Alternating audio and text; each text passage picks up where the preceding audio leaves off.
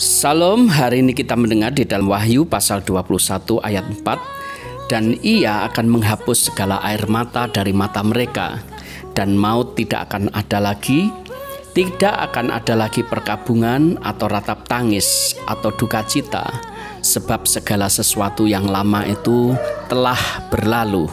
Amin.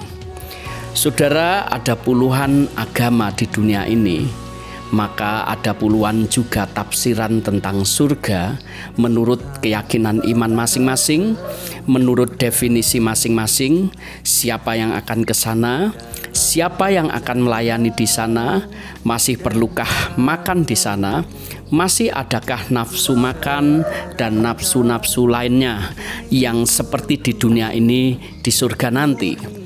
Apakah di sana nanti misalkan gigi kita lubang semasa di dunia masih terbawa ke sana?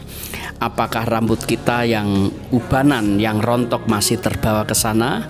Saudara, sebetulnya pertanyaan-pertanyaan ini adalah logis karena kita manusia rohani sekaligus manusia logika yang akan mencari jawaban atau gambaran yang pas untuk setiap teka-teki hidup kita. Sebab itu, kita sepakat dulu jangan mendebatkan surganya orang lain seperti apa. Apakah betul ada pelayanan VIP di sana? Kita tidak perlu terseret dalam pemahaman yang kita tidak yakini. Kita juga sepakat dahulu bahwa Allah itu ada, surga itu ada. Dari mana kita tahu, padahal kita sendiri belum pernah ke sana. Kita tahu dari iman dan keyakinan kita di dalam 2 Korintus pasal 5 ayat 7 Sebab hidup kami ini adalah hidup karena percaya bukan karena melihat.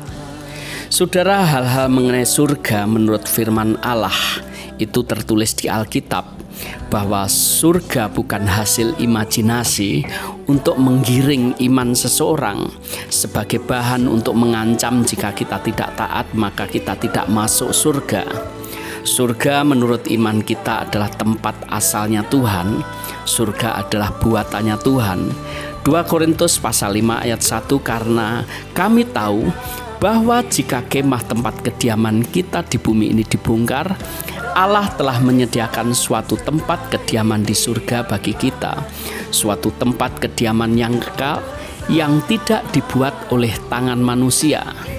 Saudara, surga diciptakan karena Allah ingin menyatu dengan orang yang mengasihinya dengan ciptaan kesayangannya.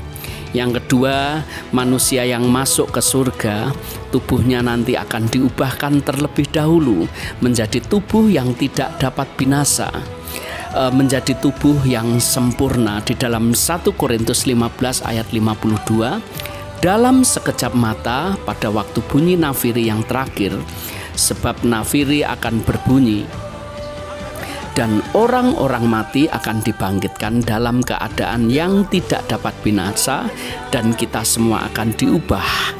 Ayat 53 karena yang dapat binasa itu harus mengenakan yang tidak dapat binasa dan yang dapat mati harus mengenakan yang tidak dapat mati. Yang ketiga, di surga kita masih dikenal dan saling mengenal. Sebab yang ditulis di kitab kehidupan adalah nama masing-masing. Wahyu pasal 21 ayat 27 tetapi tidak akan masuk ke dalamnya sesuatu yang najis atau orang yang melakukan kekejian atau dusta tetapi hanya mereka yang namanya tertulis di dalam kitab kehidupan anak domba itu. Baik saudara, kita bersambung besok pagi, tetap pertahankan iman, surga itu betul-betul ada. Tuhan memberkati. Amin.